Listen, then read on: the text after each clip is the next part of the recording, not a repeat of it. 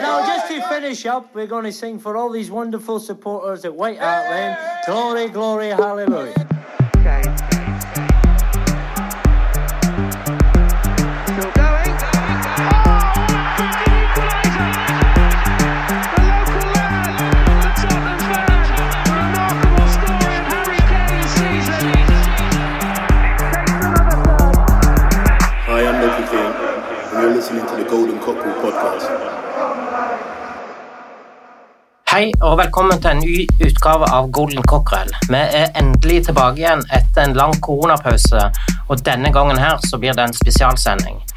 Vi er forhåpentligvis tilbake igjen med en ordinær utgave av podkasten igjen allerede neste uke, men mens vi venter på den, og på at Premier League endelig skal starte opp igjen, så tenkte vi at vi skulle teste dere med en liten Tottenham-trivia denne gangen. Jeg heter Leif Konrad Borsheim, og sammen med Stig Ottar Engeshaug så skal vi lose dere gjennom 25 spørsmål om Tottenham. Noen av de kan nok være litt vanskelige, men husk at du kan pause underveis om du trenger litt tid til å tenke på, og du vil også finne alle spørsmålene på Tottenhams Venners Facebook-side, om du syns det går litt for fort nå. Svarene på spørsmålene får du mot slutten av sendinga. Stig Ottar, eller bare Ottar som du kalles blant venner, du er som meg styremedlem i Tottenhams Venner. Hva er dine oppgaver i styret? Mine oppgaver i styret har eh, til nå vært eh, å være medlemskontakt. Det vil si, jeg tar imot mail og henvendelser fra medlemmer eller andre som kontakter oss. Og nå skal jeg også ta over og bli rekrutteringsansvarlig for eh, gruppa. Ja, hva innebærer det egentlig? Det betyr jo at jeg kan reise rundt og, og besøke grupper eller eh, treffe andre Tottenham-supportere på treff. da. For de som har samlinger i, rundt omkring i plasser i Norge. Så hvis du har en liten tanke om å samle venner, eller du samler venner, så send meg en melding på kontakt at tottenhamsvenner.no. Så kan det hende jeg kan komme og besøke dere, ta en pizzabit og litt, kanskje en liten quiz. Ikke sant? Det er helt nydelig. Vi, vi trenger å få fine Tottenham-miljøer rundt forbi hele landet, og Tottenhams venner vil selvfølgelig alltid stille opp om dere trenger litt drahjelp for å komme i gang med dette. Men i går kom jo nyheten om at en person i Tottenham har testa positivt for covid-19. Um, Foreløpig vet vi ikke hvem dette er, men det stiller jo noen spørsmålstegn rundt oppstarten av Premier League igjen for Tottenhams del. Uh, hva tanker har du rundt det, Stig Otter? Så vidt jeg forsto, så var dette ikke en spiller, men en person i støtteapparatet. Og jeg tror ikke det kommer til å ha noe særlig innvirkning på Tottenham sine planer utover, men selvfølgelig, er det en eh, person som er borti mange, så kan det jo ha vært påvirka. Ja, det blir, det blir litt interessant også å følge utviklingen og også se på om, det- om dette har, har eh, ført seg til andre i, i klubben. Og at, eh, så vi får bare krysse fingrene for at ikke dette er et stort uh, utbrudd som, uh, som er i gang i, i Tottenham. Ja, jeg håper jo at klubben har uh, gode regler og rutiner for, for det her, og at de har klart å holde seg til at én person har blitt smitta. Det satser vi på, og dette vil garantert bli diskutert mer i neste utgave av Golden Cockerel, som som sagt forhåpentligvis kommer allerede neste uke. Så da tenker jeg at vi, vi setter i gang med det vi er her for å gjøre i, i dag, og det er å teste dere da med 25 quiz-spørsmål om Tottenham. Og vi drar i gang med, med spørsmål én allerede. Um, den grønne tredjedrakten fra forrige sesong den har jo blitt eh, legendarisk etter at den ble brukt eh, den vakre kvelden i Amsterdam, der eh, Lucas Mora sendte oss til finalen i Champions League. Eh, dette er den første grønne drakten Tottenham har hatt noensinne, og eh, laget brukte den åtte ganger forrige sesong. Den skulle egentlig lanseres i forbindelse med første gruppespillskamp i Champions League, men da både heime- og bortedrakten kolliderte med Newcastles eh, heimedrakt eh, i ligaåpningen, så ble altså drakten lansert samme dag som eh, forrige sesong tok til. I de åtte kampene som, kamp, som drakten ble brukt, så er det kun én spiller som fikk sin debut for Tottenham i en kamp der vi brukte denne drakten. Og det vi lurer på i første spørsmål, er hvem er denne spilleren? Ja, den er litt eh, kinkig, syns jeg. Ja. Det er en, en spiller som fortsatt er i Tottenham, om vi skal si det sånn. Men Kanskje ikke akkurat nå, hvis det var et lite hint. Da hopper vi til spørsmål to. Hvem var den første Tottenham-spilleren som ble utvist i Premier League? Et hint her er at det var en av de første kampene han spilte i sin andre periode for Tottenham. Det er det. Det var en, eh, en legendarisk eh, spiller, så om, om du ser noen bilder av han nå, så er han nok mer aktuell for uh, publaget til Tottenham i supportercupen enn enn han er for, uh, for å spille på noe med høyere nivå enn det. Og en spiller jeg alltid likte godt. Fantastisk. Ja, skal vi dra i gang spørsmål tre? Og det, Vi må jo innom Harry Kane når vi har en, eh, en Tottenham-quiz. Um, han er endelig skadefri igjen, og, og på de klippene som vi ser nå på, fra, fra Tottenham, så ser han jo uh, veldig fit og klar ut uh, for å dunke inn mål og få oss litt uh, nærmere Champions League-plass neste sesong òg. Men skader har jo dessverre blitt litt for vanlig de siste sesongene når det gjelder Kane, og, og det har muligens tatt ifra noen toppskårertitler i Premier League. Men det vi lurer på nå, er jo hvor mange ganger har Harry Kane blitt toppskårer for Tottenham, selvfølgelig, i Premier League. Eller for å presisere det Han, det er, han har fått toppskårertittelen i Premier League blant alle klubbene. Hvis det var uklart. Vi kjører spørsmål fire. Blitt eldre nå. Tottenham vant den første FA-cupfinalen som ble spilt mellom to London-klubber. Det var 20. mai 1967, og det var faktisk første gang to klubber fra samme by møttes i en FA-cupfinale. Hvem var Tottenham sin motstander på Wembley denne ettermiddagen? Ja, Det er ganske spesielt at det skal gå så lenge som til 1967 før to klubber fra samme by eh, møttes i en, eh, en FA-cupfinale. Det er nesten helt utrolig. Eh, når du har så mange klubber i, i, i London, og, og ikke minst i både Birmingham, Manchester, Liverpool, så, så måtte en altså så, så langt fram i tid. Men vi altså lurer på motstanderne Tottenham da, i 1967. Spørsmål fem. Tottenham har tilskuerrekorden for en klubbkamp i England.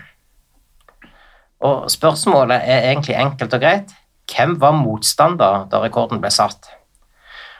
Og husk her at vi lurer på i en klubbkamp. Vi sier ingenting om hvilken turnering dette er, så det kan godt være at det ikke er snakk om en Premier League-kamp eh, denne rekorden ble satt. Da er vi på spørsmål seks. Jeg har holdt, holdt med Tottenham i mange år, men ikke for altfor mange år siden så var det Tottenham den klubben i England som hadde flest seire i FA-cupen. Sånn er det dessverre ikke lenger. Nå har vi blitt eh, tatt igjen av eh, i hvert fall eh, to klubber. Spørsmålet er hvor mange ganger har Tottenham vunnet FA-cupen? Den er vel kanskje grei for uh, veldig mange, får vi håpe. Siste gang 1991. Eller røpte jeg for mye nå? Nei, jeg tror ikke det. Jeg tror det går fint. Vi går over til spørsmål sju. Den 21. juli 1964 så skjedde det en stor katastrofe på Cruise Hills golfbane i Enfield, rett ved treningsfeltet til Tottenham. En av Tottenhams aller største stjerner på den tida blir truffet av lynet mens han spiller golf, og han mister livet. Og det vi lurer på, er hva heter denne spilleren som kom eh, fra Skottland, og som var en del av dobbeltlaget fra 60-61-sesongen? Han har faktisk òg en eh, sønn som den dag i dag er lidenskapelig opptatt av Tottenham, og som jeg vet at mange eh, norske Spurs-fans har truffet på, på turer til, til England. Spørsmål åtte. David Pleat hentet eh, Chris Fairclough fra Nottingham Forest sommeren i 87. Fairclough spilte alle kampene for Tottenham i 87- og 88-sesongen, men mistet plassen til Guy Butters sesongen etter. Terry Venables valgte derfor å selge Fairclough, og i sin nye klubb endte Fairclough opp med å bli ligamester. Hvilken klubb ble han først lånt ut til, før overgangen ble gjort permanent? Ja, det, det er ganske, ganske vilt at en, at en, en spiller blir uh, mister plassen til Guy Butters i Tottenham og blir allikevel ligamester i sin neste klubb. Det er imponerende. Ja. Neste spørsmål, da må vi komme til spørsmål ni. Tottenham eh, har vært med i mange treningsturneringer, altså som preseason-turneringer eller andre turneringer mot eh, ja, andre klubber, selvfølgelig. Eh, de fleste eh, er jo som sagt i preseason, og i fjor sommer så vant f.eks. Tottenham Audi Cup eh, da Bayern München ble slått eh, etter straffesparkkonkurranse på tyskernes hjemmebane Allianz Arena. Det var andre gangen de deltok i Audi Cup. Men i slutten av april 1993 så fikk Tottenham besøk av Real Madrid og Inter Milan til en turnering på White Hart Lane.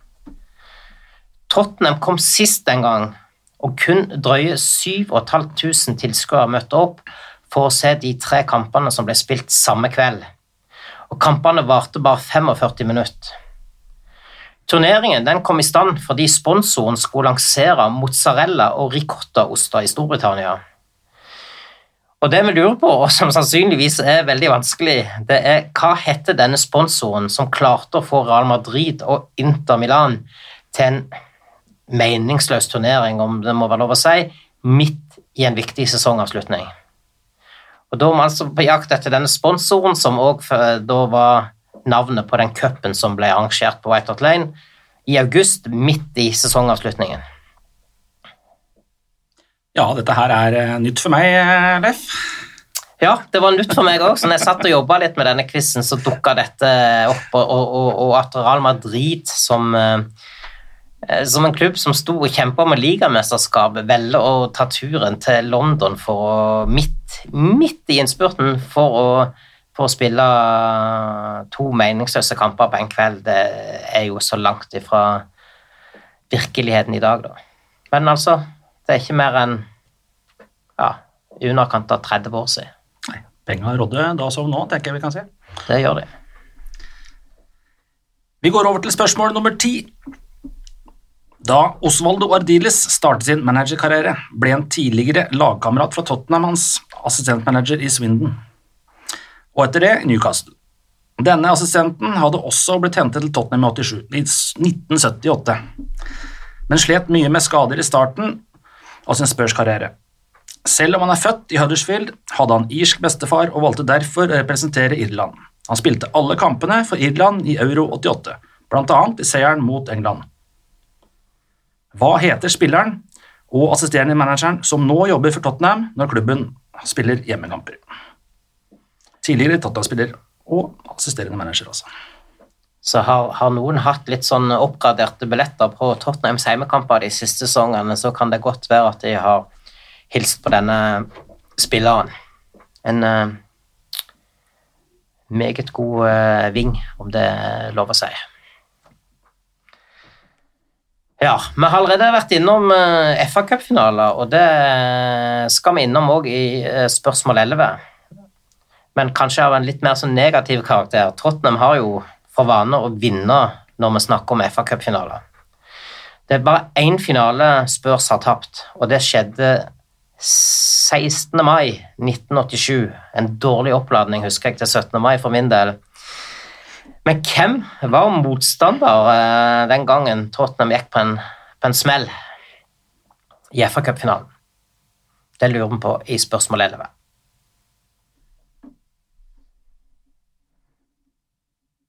Spørsmål 12.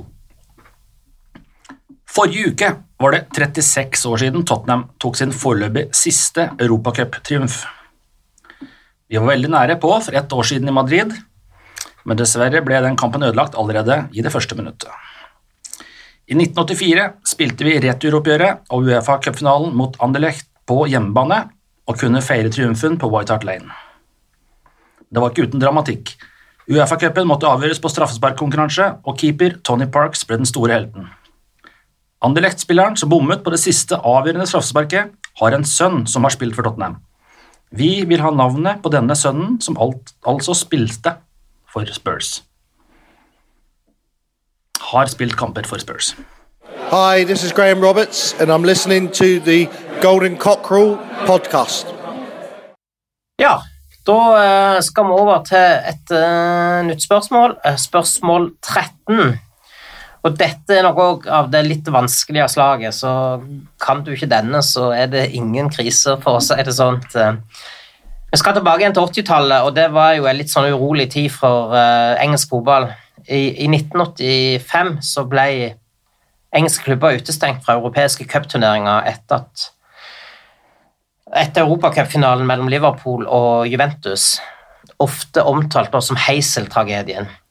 39 supportere ble drept, de fleste Juventus-supportere, og 14 Liverpool-supportere ble dømt for drap etter den kampen. Dommen fra Uefa var altså å utestenge engelske klubber fra europacupene på ubestemt tid. Det endte til slutt med fem års utestengelse for alle klubber og ett ekstra år for Liverpool. Men i England så kom de opp med eh, noe lurt, trodde de, nemlig en erstatning for europacupene.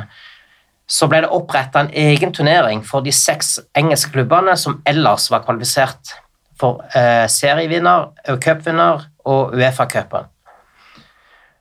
Denne turneringen ble bare spilt i én sesong, og det var i 1985-86.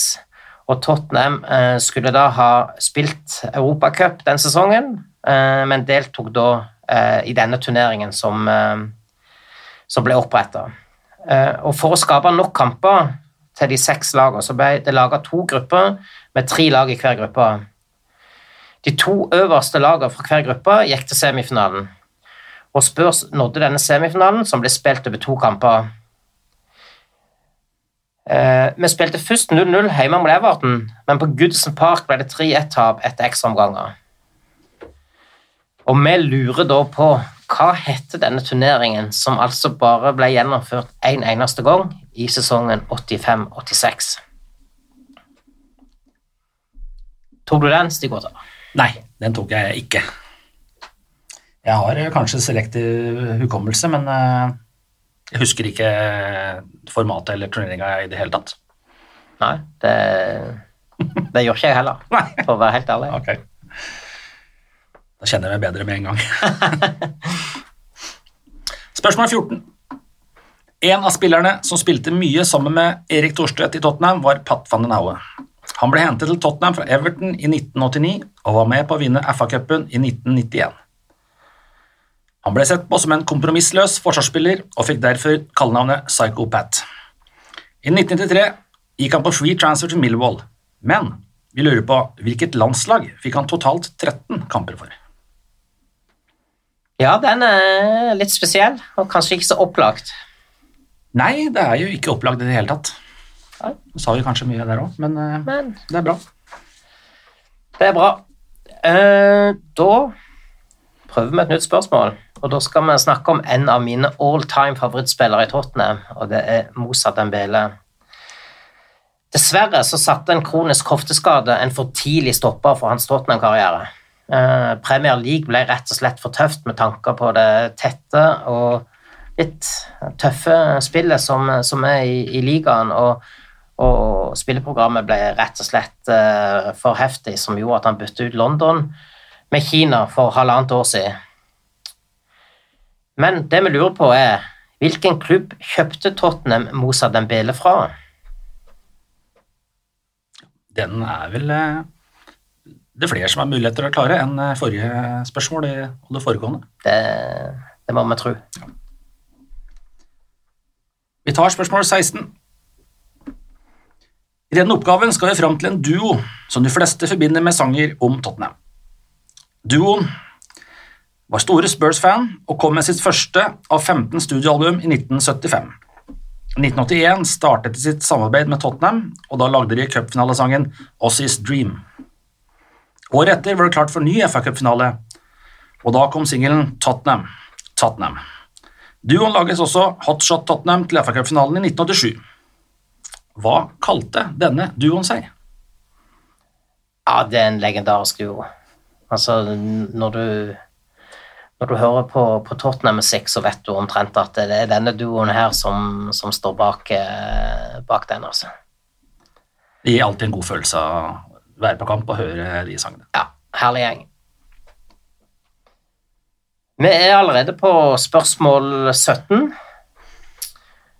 Og da blir det et spørsmål om eh, vår nye flotte storstue i N17. Og vi lurer rett og slett på hva er kapasiteten på Tottenham Hotspur Stadium per mai 2020? Der tror jeg vi skal innvilge 100 seter til ifra. Er du innenfor det på, på svaret der, så, så har du rett, tenker jeg. Godt, godt. Spørsmål 18. Vi holder oss til eh, Tottenham Hotspur Stadium. Det er blitt et eh, flerbruksanlegg, og i sommer skulle både Lady Gaga og Guns N' Roses hatt konsert. Anthony Joshua skulle også forsvart sin VM-tittel i boksing, men dette blir nok i beste fall utsatt. Det er også lagt til rette for spill av amerikansk fotball på stadion.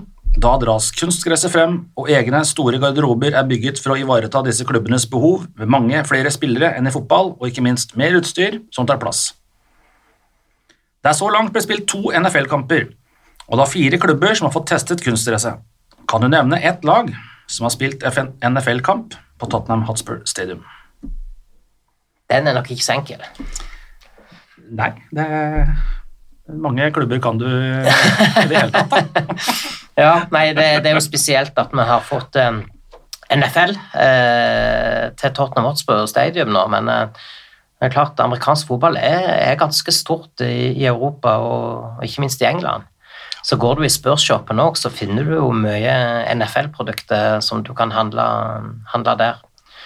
Og han har jo vært i, i garderobene der òg, de er jo altså som de bruker på NFL, det er jo noe gigantisk. altså De, de er jo så mange og svære at de Ja, det er voldsomme greier. Det er, eh, det er mange ganger større enn fotballgarderoben. Det er det. Ja.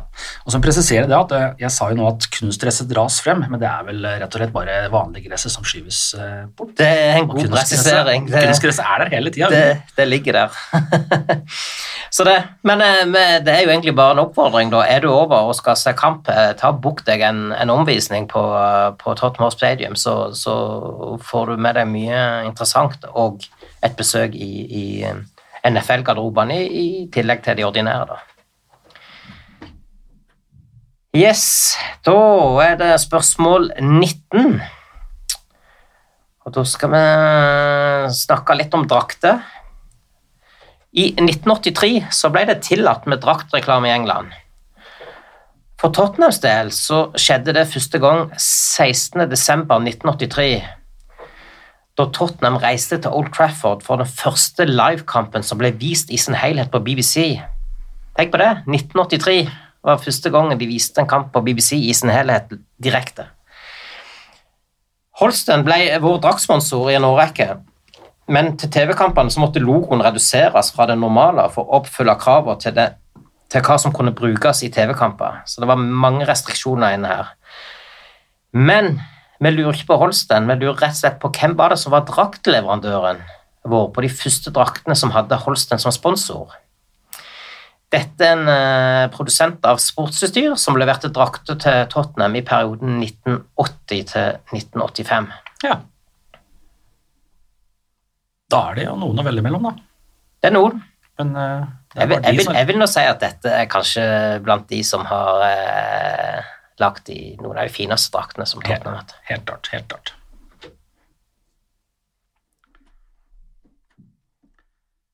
Spørsmål 20. Sesongen 1920 venter fortsatt på å bli avslutta, men vi lurer på hvem som skåret Tottenhams første mål i Premier League denne sesongen. Var du der? eh? Jeg var der. Du var der. Jeg var der. Ja. Og eh, jeg satt og var ganske frustrert i ganske lang tid. Det, det var en litt sånn tung start for, eh, for Tottenham denne sesongen. Men så ordna det seg jo til slutt, heldigvis, i, i solskinnet i, i Nord-London. Så det, var en, det, en, det ble en fin dag til slutt, selv om det var frustrerende lenge. Ja, jeg skulle også vært der, men jeg kom dessverre ikke dit. Nei, familieferie, vet Ja, du. det ble en familieferie, så jeg feira da den eh, kampen her sammen med gode svenske venner eh, i Stockholm. Man kan vel si at motstander i denne kampen var Aston Villa, som var nyopprykka, og Tottenham var jo egentlig store favoritter. Vi skal holde oss i, i Nord-London i spørsmål 21. Eh, White Hart Lane er historie, men fortsatt så finnes det en klubb som spiller i gaten White Hart Lane. Eh, faktisk har aldri Tottenhams hjemmebane hatt adresse White Hart Lane, men High Road. Uh, White Hart Lane er den gaten som ligger, ligger like nord for stadion, og som, kommer, som en kommer ut i dersom en tar toget eller når overground til White Hart Lane Station. Da kommer du ut i den ene enden av White Hart Lane, og går en motsatt vei i eh, White Hart Lane fra stadion, så strekker denne gaten seg i flere kilometer retning Wood Green. Og går du ca. en halvtimes eh, tur fra White Hart Lane Station, så ligger altså Coles Park Stadium. Med en kapasitet på 2500 tilskuere, så er det hjemmebane til en klubb som ble stifta i 1973. I dag spiller de i det som heter Istmian League Premier Division, som er det syvende nivået i, den engel, i det engelske ligasystemet. Hva heter klubben som spiller i gult og blått? Et siste hint er at klubben deler navn med den bydelen som Tottenham ligger i. Denne er det flere som tar da, tenker jeg, når det kommer med det siste hintet. Kanskje? Jeg. Jeg, jeg, har, jeg har vært på kamp her, eh, en, en, eh, en, en kveldskamp, og det er fantastisk eh, god stemning. Og det interessante er jo at de, her gir de ut gratis sesongkort. Så vi, vi må betale for å se en enkel kamp, men, men uh, hvis du lover å komme omtrent til hver kamp, så får du et gratis sesongkort. Det er nydelig. Ja, det er helt fantastisk. Vi skulle jo faktisk ha en fellestur til Manchester United-kampen nå i vår, og da skulle vi òg overvære en kamp eh, med den klubben her. Ja. Det ble jo dessverre heller ikke noe av. Nei. Vi tar det senere. Det, ja, det er absolutt verdt et besøk. Absolutt. Vi hopper til spørsmål 22. Mosa Sissoko har nærmest blitt en kulturfigur i Tottenham etter en lang, tung start på sin Spurs-karriere. Men det er jo ikke avslutningsegenskapene hans som er eh, de egenskapene han blir lovpris lovprist mest for.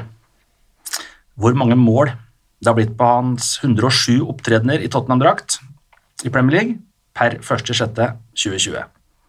Hvor mange mål på Mossa Sissoko? Ja. He score when he wants. Ja, det må jo være over 200. Så, så vi får vel si at han har, eh, han har vel skåret i, i ligacupen òg, men dette, dette er Premier League som du er på jakt etter, ikke sant? Ja, det stemmer. Ja. ja vi, vi fortsetter med litt eh, mål. Opptatt av mål i spørsmål 23 òg. Og, og vi har jo tidligere i quizen lurt på hvor mange ganger Harry Kane har blitt toppskårer i Premier League. Men det vi lurer på, er hvor mange Tottenham-spillere i tillegg til Kane har klart å bli toppskårer i Premier League siden oppstarten i 1992? Ja, det er jo ikke sånn kjempemange. Nei, det er ikke så kjempemange. Det er det ikke. Men det har skjedd. Det kan vi, såpass kan vi røpe. Ja, ja. Spørsmål 24. En manager som mange mange Tottenham-supportere elsker, er eh, Martin Jol. Han kom til Tottenham som assistenten til Jacques Santini, og det tok ikke lang tid før franskmannen trakk seg, og Jol fikk eh, ansvaret alene. Og det var under han den store oppturen til Tottenham, som nå var til 15 år, starta. I 2005-06 var det bare et dårlig lasagne på den siste dagen av sesongen som ødela for klubbens første topp fire Premier League. Også sesongen etter ble det femteplass, og Tottenham hadde endelig klart å stabilisere seg som en topp seks-klubb. Men hvem hadde Martin Jol med seg som assistentmanager i sin periode som eh, Tottenham-sjef? Han er en tidligere Tottenham-spiller som har vært en populær manager i en rekke klubber etter at han forlot Tottenham sammen med Joel i oktober i 2007. Ja, Han eh, har jeg liker jeg også godt. det er en eh, fantastisk trivelig eh, fyr. Så det, det er lett å skjønne at han har blitt populær populær overalt som han har eh, vært. Men akkurat nå så er han ledig på markedet og venter nok på å få seg en ny, eh, ny jobb. Ja, Så det, det får han forhåpentligvis om ikke så altfor lang tid. det får vi håpe. Det får vi håpe. Og da er vi faktisk allerede framme med, med siste spørsmål. Og det er enkelt og greit at det er tre managere eller headcoacher som har ledet både Tottenham og Chelsea. Og vi vil gjerne vite hvem er disse tre. Den burde vel være ganske grei. Ja, Den er det mange som tar, men eh, ja, det er noen som kommer til å glemme han ene. Ikke sant? Ja, det er det. Så det. Så trenger du, trenger du litt tid nå på å, på å tenke på noen av disse spørsmålene før vi nå kommer med fasiten, så kan det være lurt å, som sagt, sette sendinga på, på pause. Eh, og sjekk som sagt gjerne òg vår eh, Facebook-side, Tottenhams venner. Offisiell side, som det heter på, på Facebook. Eh, Der vil du finne alle, alle 25 spørsmål. Så, så ta deg litt tid, eh, tenk litt godt over, og så kan du sette på start igjen, og da vil du nå få svaret på alle de 25 spørsmålene. Og da tenker jeg at vi kjører i gang. Skal vi gjøre det? Hi, I'm Ledley King, and you're listening to the Golden Cockerel podcast. Da er altså Svaret på spørsmål 1 det gjaldt altså den grønne drakten, tredjedrakten fra i fjor. Og hvem som fikk debuten sin i den drakten. Det var altså Ben Amos, en en unggutt som eh, faktisk fikk debuten i den aller første kampen med brukte drakten, borte mot Newcastle, hvis ikke jeg husker helt feil. Og kan det være at jeg eh, går på en smell her, men, eh, jeg mener at det var, eh, var den kampen der. Og eh, han har jo denne sesongen vært utlånt til QPR og får vanvittig gode skussmål for, for jobben han har gjort der. Når jeg hører på QPR-supportere, så, så sier de bare at eh, han er altfor god for, eh, for vår klubb. Så det, det skal bli spennende å følge han, og kanskje får vi se han flere ganger i, i Tottenham-drakt i kommende sesongen. Spennende. Ben Amos, altså, på spørsmål én. Alltid spennende med nye unge spillere som eh, kommer opp. Så har vi spørsmål to. Svaret der eh, altså Spørsmålet var eh, hvilken Tottenham-spiller var den første som ble utvist i Premier League. Og svaret her var eh, Neil Ruddock. Han hadde en liten periode i Liverpool og kom tilbake til eh, Tottenham og ble utvist mot Crystal Palace 22.8 i 1992. Ja, nei, Det spørs om ikke han gikk til Liverpool etter sin andre periode i Tottenham. Ja, det han gjorde, ja. Han var en tur innom SO15.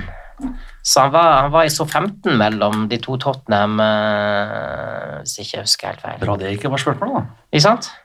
Så Liverpool, eh, Liverpool ble eh, stoppestedet etter sin andre periode i Tottenham. Så at, men det tok jo bare et par serierunder der før han var utvist fra Premier League starta. Spørsmål tre, det var altså Harry Kane og hvor mange ganger han er blitt toppskårer i Premier League. Det har han blitt to ganger i sesongen 2015-16 og sesongen 2016-17. Og så nevnte jeg jo i spørsmålet at eh, han muligens har blitt fratatt noen toppskårertitler òg pga. at han er gått mye skada. For to ganger så har han òg blitt nummer to på toppskårerlista. Det var i 2014-15 og 2017-18. Så han kunne med litt eh, flaks og mindre skade vært toppskårer i fire sesonger på rad, som er jo helt eh, vanvittig. Ja, det, Men eh, visse om og men. Han har altså, som sagt, det rette svaret er to ganger har han blitt toppskårer. Ja, vi får håpe han blir skåna for skader fremover. Vi tar svaret på spørsmål fire. Det var her eh, at Tottenham vant den første FA-cupfinalen mellom eh, to lag i London. Klubben vi møtte da den gangen, det var Chelsea. Så rett svar på spørsmål fire er Chelsea. Bra. Som jeg jo slo lett. Og så var det tilskuerrekorden for en klubbkamp i England. Eh, og hvem var motstander da Tottenham satte den rekorden? Vi satte jo ganske mange rekorder en periode når vi var på Wembley og hadde en kapasitet på nærmere 90 000 totalt. Vi kom jo aldri helt opp til 90 000 av uh, sikkerhetsmessige grunner. Det var alltid en del seter som, uh, som aldri var i bruk for å skille bortesupporterne fra, fra Tottenham-supporterne. Men den 2. november 2016 så møtte vi Bayer Leverkusen til hjemmekamp. Jeg var der og var blant de 85 512 tilskuerne som da satte tilskuerrekord for en klubbkamp i England. 85 512. Det er bra. Og Bayer Leverkusen, som sagt, var motstander. Så var det spørsmål seks. Hvor mange ganger Tottenham har vunnet FA-cupen? Rett svar der er åtte ganger. Og det har det vært en liten stund, da. Åtte. Vi håper snart Altfor lenge. Altfor lenge. Spørsmål sju var jo denne spilleren som var så uheldig og mista livet sitt mens han spilte golf og ble tatt av Profalynet. Han heter John White og var en fantastisk ving. Har jeg lest, jeg har jo dessverre aldri fått sett han i, i aksjon, men uh, har, har en uh, lest litt bøker fra den tida på, på 60-tallet, så, Ja. så var, blir han dratt fram som en suveren spiller. Ja. Med tanke på mange gode spillere vi hadde da, så er jo det gode ord å få. Og da så tragisk å miste han i en sånn ulykke er jo uh, krit, kritisk både for familien hans sjøl og ikke minst Tottenham, selvfølgelig. Så, sånn er det. Det er triste greier. Svar på spørsmål åtte. Omhandlet spilleren Chris Fairclough fra Nottingham til Tottenham, og dermed gikk han til Leeds United. Svar på spørsmål åtte var altså Leeds United. Ja, han fikk med oppturen der, og de ble vel seriemester siste sesongen før det ble Premier League. Ja, sant det. Spørsmål ni var da denne her uh, snålecupen som de spilte da midt i uh, midt i serienspurten i 1908 1993. Eh, Real Madrid, Inter Milan uh, skulle være med og lansere mozzarella og ricotta-oster i Storbritannia. Og produsenten òg, som da fikk eh, turneringa oppkalt etter seg, var Fiorucci. Og turneringen ble så kalt da Fiorucci Cup. Ja, dette her eh, er jo ting som folk egentlig ikke burde vite. For de litt sære og nerdete, kanskje. Det er jo noen som kan det. Det er det som er artig. Ja. Helt sikkert. Kanskje det til og med var noen som var der, eller kanskje det er å dra det litt langt. Jeg vet ikke. Var til syv og et halvt? Ja, jo, det kan hende. Kan hende, kan hende. Det er jo nordmenn eh, overalt. Det er jo det. Svar på spørsmål 10. Det omhandlet eh, Osvaldo Ardiles og hans assistent. Denne assistentens navn er eh, Tony Galvin. Yes. Spørsmål 11. Det var jo rett og slett eh, Hvem var det Tottenham tapte sin eneste FA-cupfinale for? Og det var altså Coventry City. Og det er det eneste trofeet Coventry City noen gang har vunnet av en viss størrelse, da. Uh, og Gary Mabbott han skåret jo i begge ender i den kampen. Uh, Skåra selvmål som ble avgjørende med kne i ekstraomgangene. Og har også et Coventry fanzine som er oppkalt etter kneet til kapteinen vår. Gary Mabbotts knee heter Coventry fanzine. Hørte eh, gode historier fra Coventry-supportere om det i mange, mange år. Ja, og, og her er jeg litt sånn usikker, men, men jeg mener òg at han faktisk er blitt gjort æresborger av Coventry et, etter dette her. Så det Aldri så galt at det ikke er godt for noe, eller? Jeg tror ikke han trenger betale for drikka si når han kommer til Coventry, for å si det sånn. Nei. Hvis det er det eneste vi har vunnet, så er jo det en fin ting for dem, iallfall. Ja. Selv om det var trist dag for oss. Ja. Men nå skal vi over til eh, et år vi vant. 1984. Svaret der på den eh, sønnen til spilleren som bomte på straffespark, det er altså Eidur Gudjonsen. Faren heter Arnor Gudjonsen, Arnor, ja. og han tok faktisk det siste og avgjørende straffesparket. Da hadde Danny Thomas eh, bomma, og, og hadde Gudjonsen da skåret, så hadde dette gått til sudden death på straffesparkkonkurransen. Men Tony Parks han lå i hjørnet og redda på White Hart Lane, og det ble jo en vanvittig Fantastisk eh, keeper, eh, Tony Parks. Kjære Lian. Helt nydelig. Så skal vi, vi skal over til de litt mer sære cupene igjen, turneringene. Og det var altså den turneringen som, som de engelske klubbene oppretta som en erstatning for Europacupene de, de åra de var utestengt på, på 80-tallet og, og begynnelsen av, av 90-tallet. Den ble som sagt bare spilt i 85-86. Og turneringen heter Screen Sport Supercup. Eller bare Supercup. Har du Supercup, så, så er det mer enn godkjent. Ja. Svaret på spørsmål 14, som eh, omhandlet uh, Pat van Haue, er jo litt spesielt. Pat van Haue, født i Belgia med britisk statsborgerskap.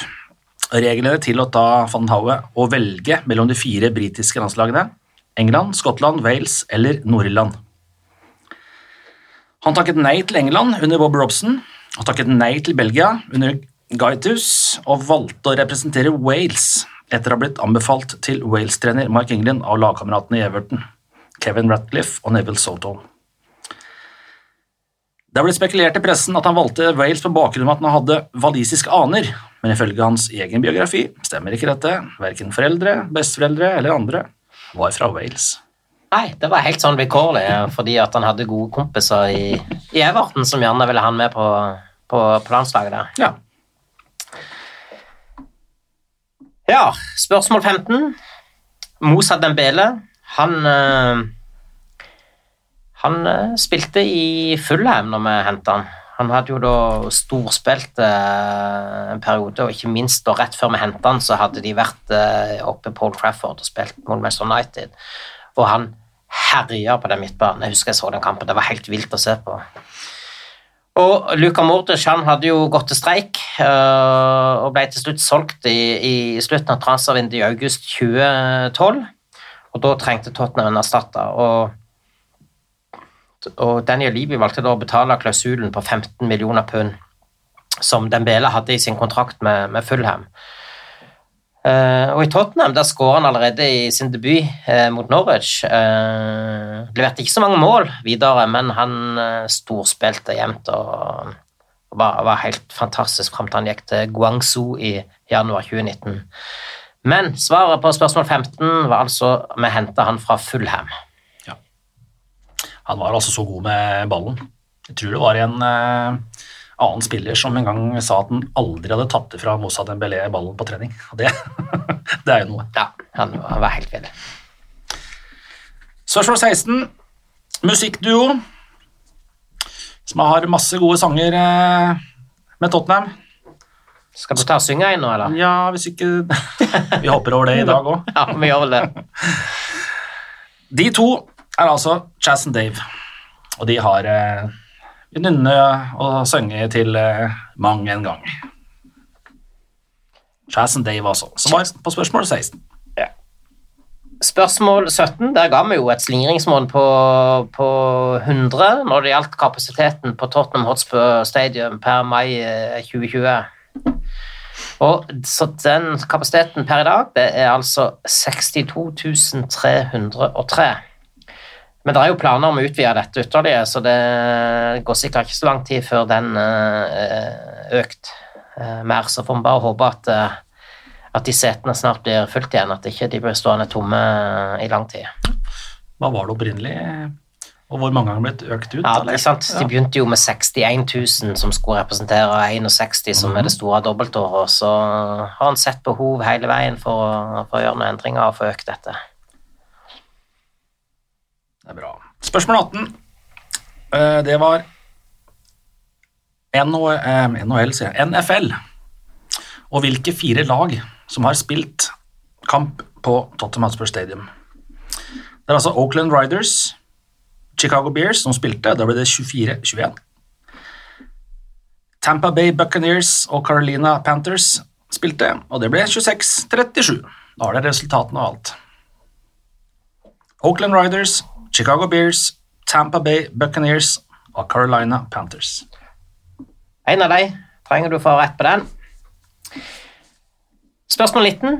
Det gjaldt altså produsenten av eh, drakten vår når vi, når vi hadde Holsten på, på brystet, og for så vidt draktreklame på, på drakten vår for første gang.